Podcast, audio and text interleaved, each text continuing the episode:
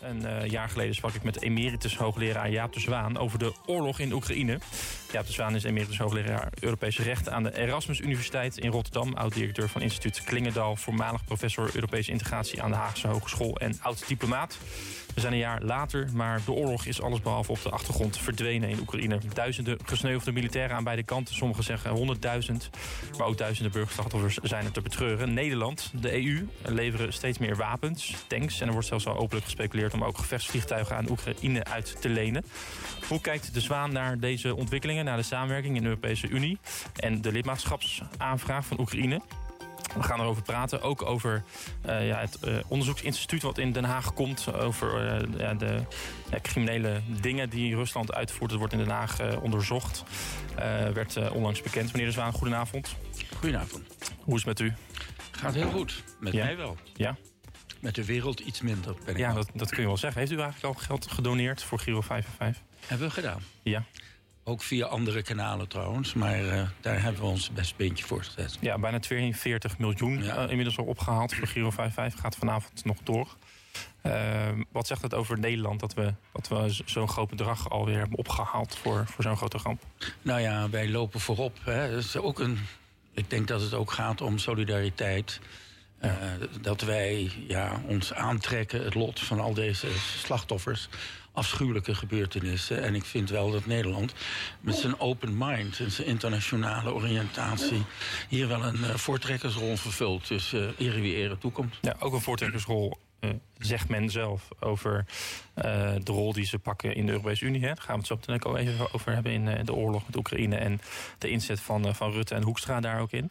Ja, we spraken elkaar precies een jaar geleden toen de, de oorlog net uitbrak. ja, dat, hoewel dat misschien voor mij als gisteren voelde, is er toch ontzettend ook veel, veel gebeurd.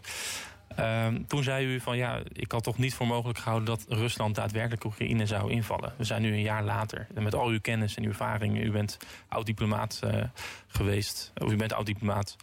Uh, hoe kijkt u nu naar de situatie daar? Ja, het is heel uh, treurig om het in één woord te zeggen. Kijk, toen wij elkaar spraken, twee dagen na de inval... Ja. toen hadden we nog te maken met die kolonne van 60 kilometer... die op weg was naar Kiev. En het hele gebied rond Kharkiv, wat uh, bezet werd. En uh, ja, toen was nog de insteek van meneer Poetin en zijn collega's om het hele land binnen de kortste keren te bezetten. Daar is hij dus uh, van een koude kermis uh, uh, thuisgekomen. Dat hebben de Oekraïners fantastisch had gedaan. U dat, had u dat voor mogelijk gehouden? Op dat moment eerlijk gezegd niet. Ze zoveel weerstand zouden geven. Ja. Precies. De Russen hebben natuurlijk altijd, en dat is ook voor de toekomst vrees ik een van de grote problemen, toch het overtal. Hè? Dus ze kunnen massaal mensen inzetten uh, die dan misschien niet goed geoefend zijn en het morele is laag en ik weet nog niet wat. Maar ze zijn wel in staat om dat te doen. En ik dat alleen dat al, hè, dat overtal, een, een, een ernstig probleem is waar we ook voor de toekomst mee rekening moeten houden. Ik houd mijn hart vast, heel eerlijk gezegd. Ja, en, en als, als het gaat waar gaat het dan nu over in de, op de korte termijn? Houdt u zich hard vast over hoe het ontwikkeld? Of hoe dat nou, ook zijn verdere uitstraling heeft op, op de Nou, waar de zaak... Kijk, wat we de Oekraïners natuurlijk geweldig gedaan hebben... ze hebben weggehaald uit, uh, uit Kiev. Ze hebben de omgeving bevrijd. Ze hebben Kharkiv bevrijd. Ze zijn toch behoorlijk bezig bij, uh, zeg ze wat, in het, uh, de zuidoostelijke kant. Mm -hmm. Gerson is zomaar bevrijd geworden. Ze drukken die Russen wel terug. Maar je ziet nu, het front is eigenlijk aan het stabiliseren. Een kilometertje hier, een kilometertje daar. En dat is heel zorgelijk. Ja. Want het blijft het feit dat die Russen natuurlijk toch... of het nou munitie is of voertuigen... en al krakkemikkig misschien materiaal... maar dan die aantallen die ze in de strijd kunnen... dat is denk ik uiteindelijk voor Oekraïne heel moeilijk vol te houden. En we doen ons best vanuit het Westen, vanuit de Europese Unie... munitie, voertuigen, militair, ik weet niet wat allemaal... afweergeschut. En zegt u dan eigenlijk dat de oorlog in Oekraïne... door Oekraïne alleen gewonnen kan worden op het moment dat andere landen misschien ook militairen zelf moeten leveren. Omdat anders, misschien omdat het misschien zo lang duurt, dus zo'n uitputtingsslag op het Oekraïnse leger, hoor ik u eigenlijk zeggen. Nou ja, dat is dan weer een, fase verder. Want we moeten er natuurlijk ervoor zorgen, en dat is natuurlijk die rode lijn van de, de NAVO en het Westen tegen uh, Rusland, dat we die niet overschrijden. Nu weten we allemaal, dat lezen we allemaal in de artikelen en zo, dat die, die rode lijn aan het opschuiven is. Ja. Leopard 2 en ik weet nog niet wat. F-16 is ook zo'n uh, discussie. Is die aan het opschuiven of is die aan het vervagen? Ik denk dat het een beetje aan het opschuiven is. We zijn bereid veel meer te doen dan we een jaar geleden voor mogelijk hadden gehouden, eerlijk gezegd. Maar uh, het gaat allemaal erg traag. We, we, doen ons best. Iedereen doet zijn best. Ook meneer Scholz doet zijn best. Maar uh, het leveren, het ter beschikking stellen van het materiaal... ja, in mijn beleving duurt dat allemaal veel te lang. En ja. nu mensen moeten getraind worden, et cetera, et cetera. En de Russen zijn natuurlijk niet gek. Dus die profiteren nu van dit momentum. En dat merken we dus met behulp van die Wagner-groep... maar ook met behulp van de mobilisatie die uh, Poetin kan organiseren. Maar kan het sneller? Ik bedoel, als je kijkt naar, naar hoe snel wij wapens inmiddels leveren. Dat we tanks eigenlijk leasen uh, en, en kopen en verkopen voor, voor Oekraïne. Uh, dat, we, dat de landen nu al uh, misschien richting de 2% gaan van een NAVO-budget. Ja. dat we natuurlijk de Europese Unie zo hard samentrekt om, om materieel te sturen. Dat, dat is nog nooit zo snel voorgekomen. Maar toch gaat het te langzaam.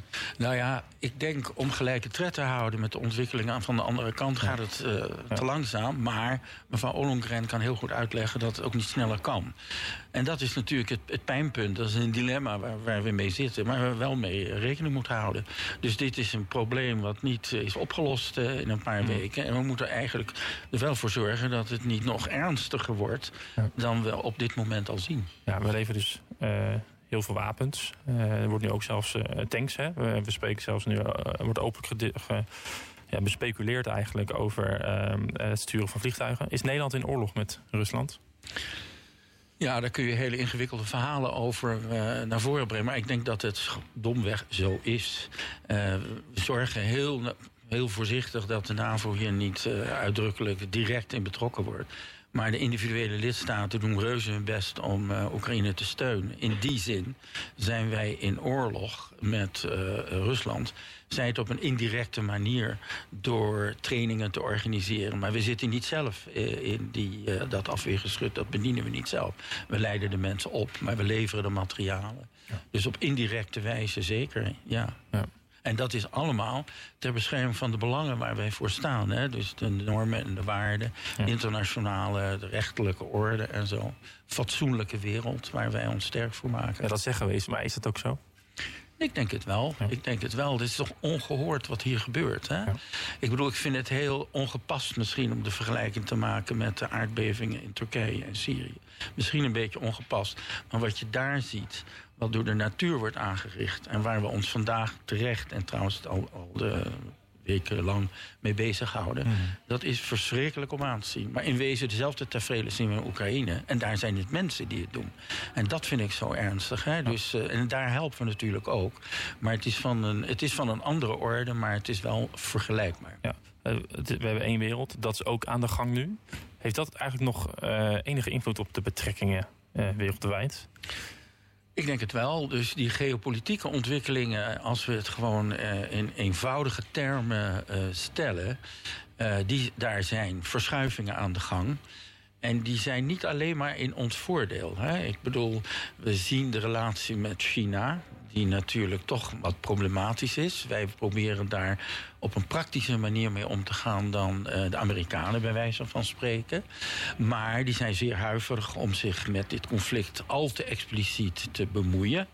Uh, ze steunen ons ook niet, maar willen ook de handelspolitieke uh, relatie met de Europese Unie niet verliezen. Dus het blijft nog steeds in mijn beleving, en voor India geldt een beetje hetzelfde, een mogelijke bemiddelaar. China. Maar tot dusver is dat ja. niet zo. Maar ze steunen ons niet. Nou, Rusland hoeven we niet uit te leggen. De Verenigde Staten, die relatie is natuurlijk alleen maar steviger geworden. We krijgen nu wel wat klappen hè, met die uh, uh, die uh, Reduction Act, die mm. Inflation Reduction mm. Act. Maar dat kunnen we wel hebben voor de relatie. Die is eigenlijk alleen maar sterker geworden. En in Europa, ja, de veiligheid komt alleen maar uh, verder in, in gevaar, in ja. mijn beleving. Dus geopolitiek, en dan heb ik het nog niet gehad over de relatie met Afrika. Mm. Afrika, daar, die neemt toch steeds meer afstand van ons. Wordt geholpen door investeringen vanuit China. De Russen helpen militair in Mali en andere landen. Eigenlijk, eigenlijk loopt iedereen op zijn teentjes. Iedereen loopt op zijn teentjes. Ja. En wij heel terughoudend, heel ja. voorzichtig. En wij moeten het allemaal aanzien. En dat is eigenlijk dus mijn idee van... jongens, we moeten wel weten waar onze belangen liggen... en ook voorbij de grenzen van de huidige Europese Unie kijken. Ja, wel. Dat vind Focussen we te veel nu op de Europese Unie? Of kunnen we niet anders? Nou ja, eh, ik bedoel eigenlijk indirect te zeggen... we moeten gewoon met uh, partnerslanden... Ja. die met ons samen willen optrekken... die in die end dezelfde normen en waarden delen... de democratie, de mensenrechten en de mm. rechtsstaat... moeten we mee, mee optrekken. En dat is dus ook met Oekraïne, maar het is ook met andere landen... er zijn een aantal daarvan hebben het lidmaatschap aangevraagd... Ja. Een aantal daarvan is al kandidaat lid van de Europese Unie. En er zijn een aantal die dat misschien niet willen, maar die wel met ons een aantal gemeenschappelijke belangen delen. Oekraïne wil graag lid van de Europese Unie worden. EU-leiders eh, e Ursula von der Leyen en eh, Charles Michel zijn hier openlijk voorstander van. Daar gaan we het zo heel even over hebben. We gaan wel even naar die Europese samenwerking. Want toen we elkaar spraken vorig jaar, toen het woord sancties kwam in elk artikel voor. Hè. Op een gegeven moment je, uh, wist je op een gegeven moment niet meer welk sanctiepakket we nu waren. Mm -hmm. uh, de Europese Unie werkte heel goed samen. sancties richting Rusland. Uiteindelijk natuurlijk niet het gewenste effect gehad. Wisten we misschien wel. net na de oorlog kwam de EU dus veel bij elkaar.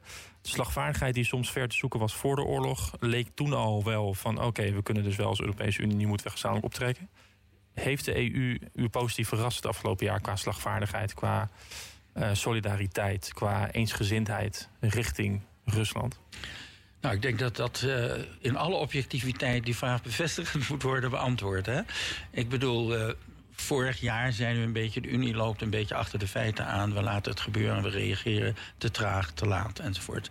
Nou, ja, ik vind... nog, u zei ook nog dat de EU eigenlijk te weinig heeft gedaan uh, richting Rusland. Bij wijze van spreken, ja. We hebben een aantal kansen gemist... Ja om met dat land dat toch een belangrijk buurland is... om daar een fatsoenlijke relatie mee op te bouwen. Het vergt natuurlijk wel toe to tango. Hè. De Russen zelf zijn ook nooit heel erg enthousiast geweest. Maar um, ja, eh, heeft de Europese Unie het, het, uh, u positief verrast afgelopen jaar? Ja, nou, dat denk ik zeker wel. We zijn nu aan het tiende pakket bezig. Inderdaad, over de effectiviteit van die sancties. Daar valt een heel verhaal over te vertellen. Daar kan ik eh, ook niet zoveel, daar ben ik niet een expert in. Maar we hebben het wel gedaan. Alleen, ik denk ook dat deze discussies... waar je altijd ziet dat er één of twee lidstaten dwars liggen... tot het laatste moment en dan willen ze weer iets op een ander dossier binnenhalen... wel weer aangeeft. En dat was ook onze discussie van uh, gisteren van, van vorig jaar.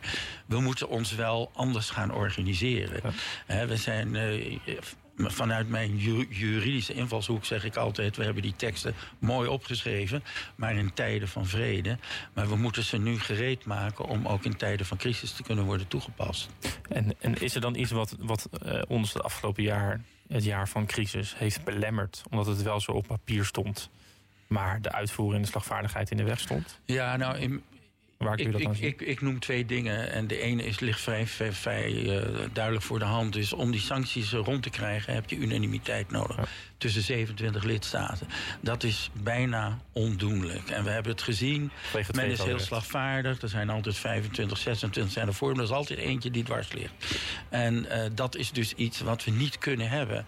En we moeten dus nagaan in hoe kunnen we dat in de toekomst beter doen desnoods door de dwarsligger in staat te stellen... zich niet gebonden te achten aan het besluit... wat de overige 26 wel nemen. Dus het vetorecht afschaffen? Het vetorecht moet worden afgeschaft. Het is niet te hanteren in dit soort uh, tijden. En het andere punt is van daar zit dan een raad. En ik ken ze, ik ken die vergaderzaad, allemaal prima. Maar we moeten een meer efficiëntere organisatie hebben. En dat is de verwijzing die je nu trouwens veel in stukken ziet naar een Europese Veiligheidsraad. Ja, ja daar heeft u inderdaad vorig jaar voor gepleit, nog al eerder, uh, de afgelopen jaren. Uh, wordt dat realistischer met de dag? Ik denk het wel, ja. ja. Kijk, vorig jaar was het grappig. We hadden toen nog het vooruitzicht van een toekomstconferentie. Het is een idee van Macron, hè, een originele denker, zullen we maar zeggen. Van uh, hoe gaan we ons voor de toekomst ook voorbereiden op de uitbreiding met een aantal nieuwe lidstaten, waar ook de, de Balkan toe behoort, hè, de westelijke Balkan. En dat, uh, nou, daar heeft hij vol, vol, volgens mij dit soort ideeën ook, ook gelanceerd. Ja, ja. Gaan we, hij heeft een documentaire, hè? heeft u dat gezien inmiddels? Nee. Nee? Oké, gaan we het eh, straks naar de uitzending even over hebben. Een documentaire over Macron ook. Vanaf het moment dat de oorlog begon en zijn samenwerking bijvoorbeeld in de Europese Unie en zijn gesprek met, uh, met Poetin aan de telefoon. Heel interessant om te zien ook over die gelo, hoe die geopolitieke samenwerking met nou die, Met die tafel van 6 of 12 meter. Ja, ja. zeker.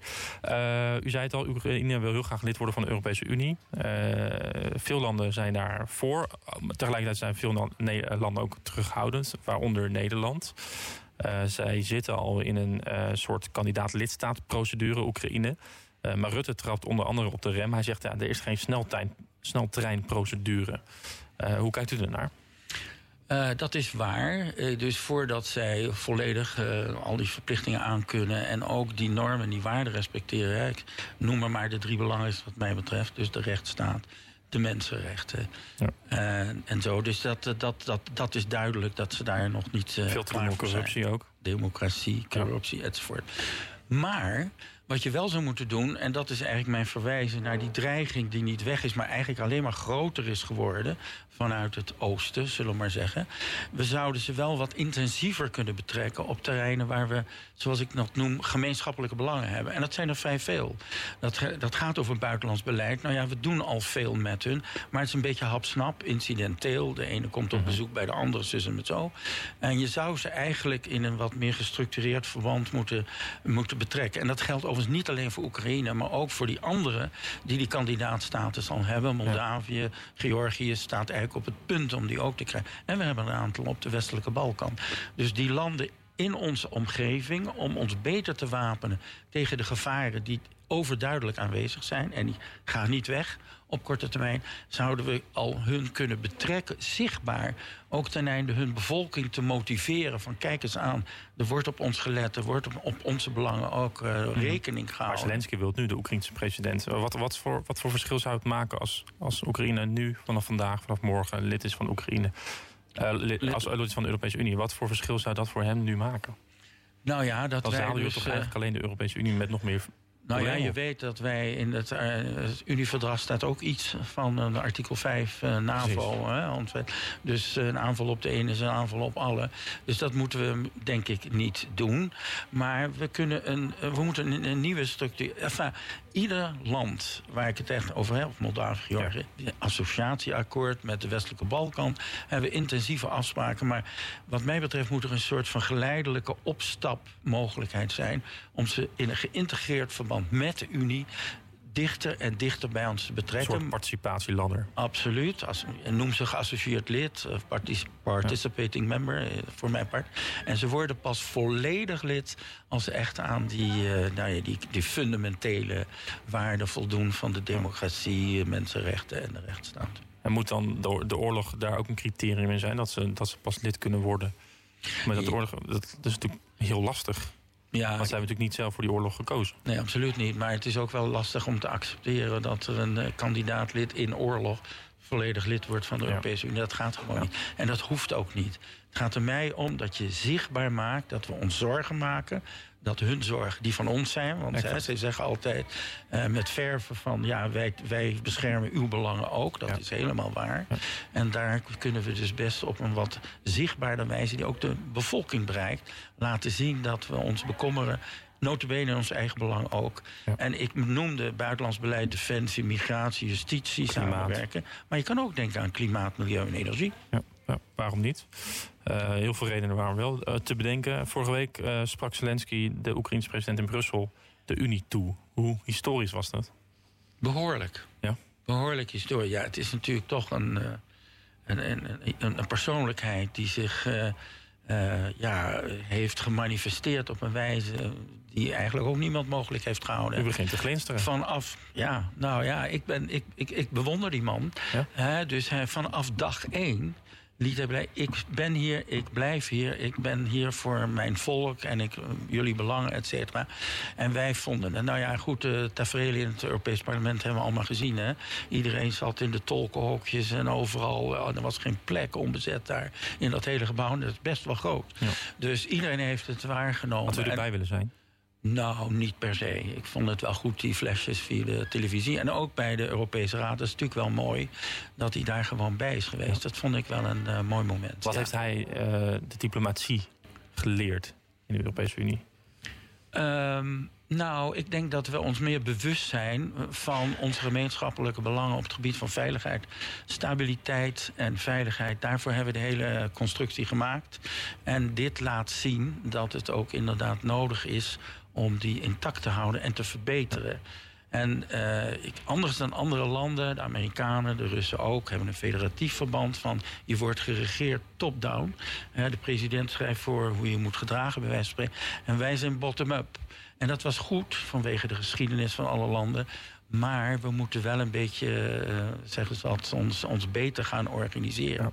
Zodat we efficiënter, effectiever kunnen optreden om dit soort gevaren tegemoet te treden. En daardoor dus ook op een andere manier misschien kijken naar de procedure van uh, Oekraïne om lid te worden van de Europese zeker, Unie. Zeker. Uh, we zitten hier in Den Haag. Uh, Oekraïne heeft Nederland gevraagd om hier een soort onderzoekscentrum te openen om ja, toch die oorlogsmisdaden te onderzoeken, wat natuurlijk ongelooflijk lastig is om te bewijzen.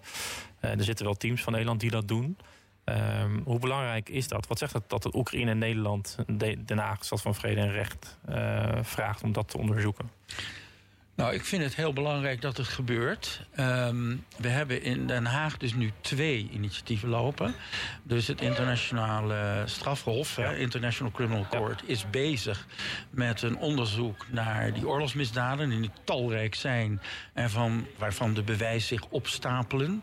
Uh, de vraag is natuurlijk hoe ver komen we ermee? Want nog uh, Rusland, de Russische Federatie, nog Oekraïne heeft de rechtsmacht eigenlijk van dat hof erkend.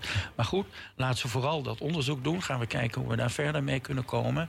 En dat uh, onderzoekscentrum, uh, dat is echt om na te gaan of wij iets kunnen maken rond dat dat delict van de agressie. Dus dat is een nieuw delict waar een ICC, het internationaal strafhof, niet competent voor is. Maar waarvan we notoor kunnen aantonen dat dat. En dat om dat een beetje de modaliteit ja. daarvan te ontwerpen. Maar is het ook een symbolische waarde dat, dat Nederland daarvoor gevraagd heeft? Uh, ja, dat denk ik wel. De, de stad van uh, recht en vrede. Dus ik vind het mooi dat dat hier gebeurt. In hoeverre dat uiteindelijk uh, tot, uh, tot de conclusie zal komen dat Poetin hier terecht moet staan. Daar heb ik zomaar aarzelingen over. Dat, dat denk ik niet. Maar het is toch goed om het onderzoek te doen. Om de mensen daarmee ook te confronteren. Waar we ben. En ook afschrikkende werking voor de toekomst. Ja. Normaal gesproken gaat dit programma vooral over landelijke en, en, en ook lokale uh, lobby, uh, hoe dat wordt uitgeoefend. Dit is natuurlijk echt internationaal. Uh, tegelijkertijd is onze minister-president iemand die al twaalf jaar premier is van, van Nederland. En ook wel, ja, als je objectief mag kijken, ook veel erkenning geniet in de Europese Unie.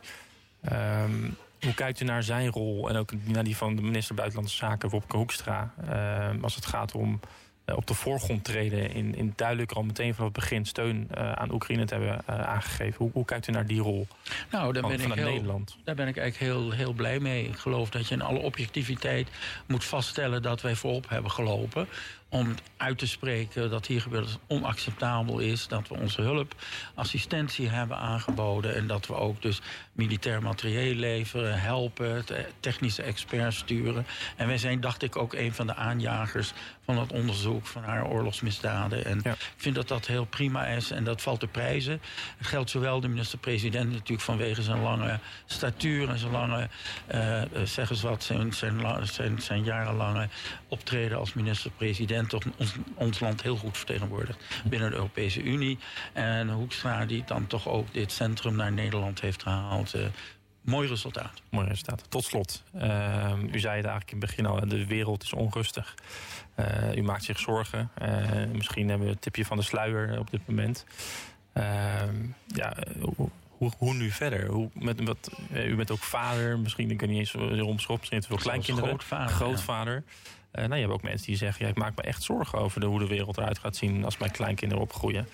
Uh, hoe nou ja, nogmaals terugkerend op waar we vorig jaar, vorig jaar waren. Toen was de crisis net begonnen. Het is, um, ja, het is heel hevig geweest. Het is nog steeds heel ernstig. De veiligheidssituatie is er niet beter voor geweest. Ja. Ik kan niet voorspellen waar dit naartoe gaat. Dit gaat namelijk nog best wel lang duren. Maar waar het mij primair om gaat, de boodschap die ik hier wil overbrengen, is ook: laten we vooral elkaar vasthouden. En ook met landen in onze omgeving intensief samenwerken. Noem ze voorlopig geen volledig lid, maar hou ze erbij. Motiveer hun bevolking. Op tal van gebieden kan het. En we hebben er notabene zelf belang bij. Dus dat is eigenlijk voor de stabiliteit en de veiligheid mijn boodschap. Laten we daarop inzetten. Verder kijken dan de Europese Unie dus. En, Ook, ja. Uh, Jaap Zwaan, heel veel dank. Weer opnieuw voor uw uitleg. En uh, tot de volgende keer. Graag gedaan.